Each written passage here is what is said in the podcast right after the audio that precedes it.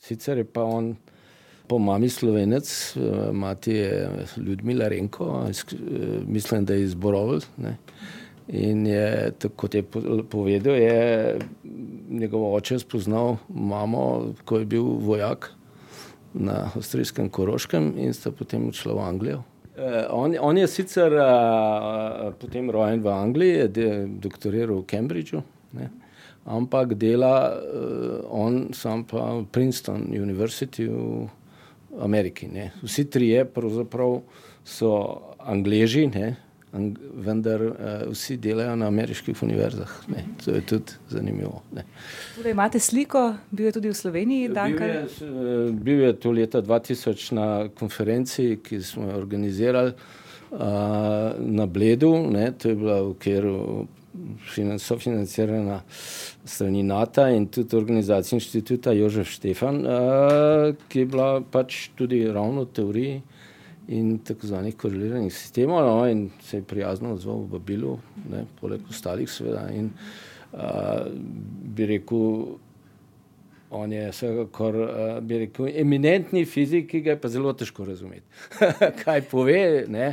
Zakaj? Uh, zakaj? Zato, ker se v svojih uh, mislih zelo globok ne, in šele potem v člankih potem ljudje ugotavljajo, kaj je res odkril, to se pravi, njegovi članki so sloviti. Seveda. In to večinoma te njegove dosežki in tudi ostalih so iz uh, 70. in 80. let prejšnjega stoletja uh, in so, pač kot pravi sama uh, komisija, ne, so dosežki teoretični na področju topoloških lastnosti snovi. Topologija, ne, topologija je posebna lastnost, ne, kako, to se pravi neka ena osnovna lastnost strukture, ki jo kljub temu, da lahko zvijamo, stiskamo, ne, se ohranja, recimo, ne, tipičen lastnost, recimo prstan, ne, prstan ima topologijo z eno luknjo, ne, lahko pa damo dva prstana skupaj, izvežemo, ne, in ne gre sta na razen, ne, to je pa drugačen topološka struktura. In recimo kroglica ima drugo strukturo kot prstan. Ne? No, in ravno to, to, je, to so te nenavadne lastnosti, ki jih ne moreš kar tako uničiti. Ne, in so tudi zelo zaščitene. In to, to se pravi, vse dosežki teh sedanjih Nobelovcev so, ko so prvi pokazali nekaj osnovnih takih lastnosti v osnovi, da se pojavljajo. Ne. To se pravi, prav topoloških. Towles, David Towles in Michael uh, Kosterlic, ne, ona dva sta odkrila neko posebno stanje vrtincev. Vrtinci je tudi ena taka topološka struktura, ne, ki ga uh, ne moreš kar tako ga uničiti. Ne. To sta odkrila v 70-ih, tako topološko strukturo. Kot prva, bilo je precej nepričakovano, no in to se je potem, hm, zakaj je postalo to tako zanimivo ravno v zadnjih letih, zato ker so danes odkrili um, dejansko materijale in snovi, ki imajo take nenavadne lastnosti. Ne. In te lastnosti so tako zaščitene, in ravno zaradi te svoje simetrijske zaščite obstaja upanje, ne, da, da se bodo tudi uporabne, recimo teh kvantnih računalnikih in uh, v, v elektroniki. In to je tudi v citaciji tega odbora zakaj zdaj nagrada? Ne? Zato, ker je to postalo. Oni so bili pa seveda teoretiki, začetniki celega tega trenda, uh, ker v bistvu so zdaj že vsi v letih. Sam, sam še za to povezavo bi prosila, recimo od te topologije do uporabe v kvantni mehaniki in elektroniki. Ja. Kakšna je ta povezava točno? Torej, uh, topologija je nekaj, kar zelo težko pokvariš. Torej, če imaš verigo, ne, je ne moreš razkleniti v prstane, ki so ločeni, uh, ker to so povezani prstani. Ne? Zdaj lahko mečkaš, stiskaš, razteguješ in to ne boš spremenil. Ne? In v elektroniki je danes recimo eno od vprašanj, uh, kako zavarovati informacijo, da, da je ne bi mogel pokvariti. To, pravi, to so neka posebej topološko zaščitena stanja, ki ga ne moreš kar tako uničiti in ostane kljub temu, da ti provaš, eh, da, da so motnje, da so zunani vplivi, ne, to ostane. In to je ravno ta topološkost, ki se danes pojavlja v dejanskih snoveh in materijalih in vzbuja veliko upanje. Ne. Je pa res, da eh, seveda, ko bereš samo obrazložitev, imaš občutek, da so ti bili zlasti fascinirani, ne, torej tudi komisija nad lepoto teorije ne, in presenetljivost. Ne. In te teorije so izredno lepe, ne, takrat so imele samo lepoto, zdaj pa kaže, da ta lepota bo dobila tudi svojo uporabnost. Ne. Mogoče so zaradi tega toliko časa čakali. Ne. Tako. Uh, jaz sem vas ujela, tukaj le imate svojo pisarno na oddelku za teoretično fiziko. Ja, Kako bi opisali, kakšna je vloga teoretične fizike, zlasti v navezavi na to, uh -huh. uh, vaše področje, fizika snovi?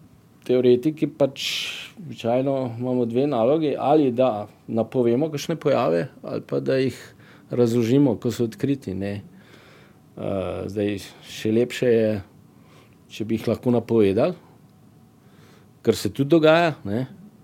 To je bil recimo ravno primer Tavlesa in Kosteljica, pa tudi Haldejna. Ne?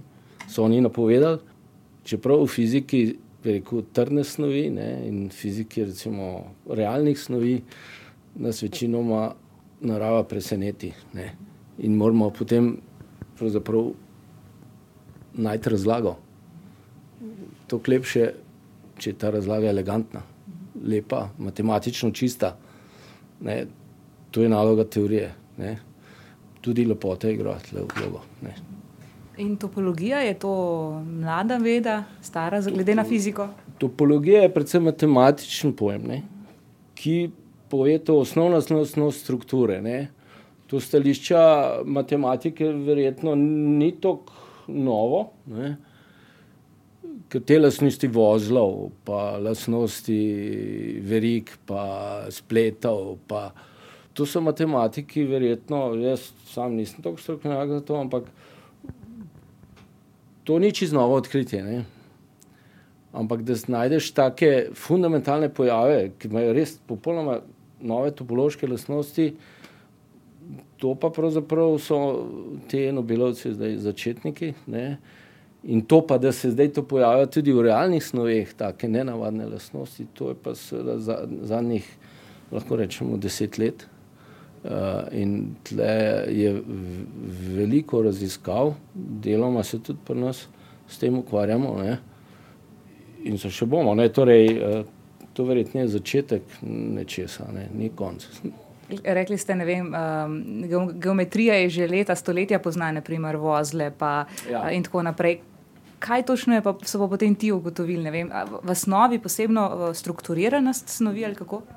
Ja, no, torej Kostrec in Tavlec sta odkrila a, v osnovi, da pri nizkih temperaturijah, recimo magnetni sistem, a, ni kar enostavno se neki pojavi a, magnetni moment ali kaj takega, ampak se pojavi v obliki vrtincev. Vrtincev, ki se povežejo. In te vrtinci imajo neobičajne lastnosti, ne recimo kot običajni feromagnet, pač vemo, se uredi in potem ga uporabljamo kot, uh, kot permanentni magnet. No. Te, te pa imajo vrtinčno strukturo, ne, tako kot, kot so tam pokazali tudi komisija, ne, da, uh, tornado ne, je vrtinc in tega ne moš kar uničiti. Ne. In to, to recimo oni so pokazali, da je to v snoveh možno, taka struktura vrtincev, to se pojavlja tudi v superprovodnikih, taki vrtinci in imajo posebne topološke lastnosti. To je, to je bil njihov dosežek. Torej, Okay. Nik zdaj razume, kaj pa potem eh, Duncan Haldane? Duncan Haldane uh, je pa uh, pravzaprav v sami citaciji, mislim, sta dva pojava. Ena sta zvan kvantni holov efekt. Kvantni holov efekt je bil sicer že nagrajen z Nobelovo nagrado, ne?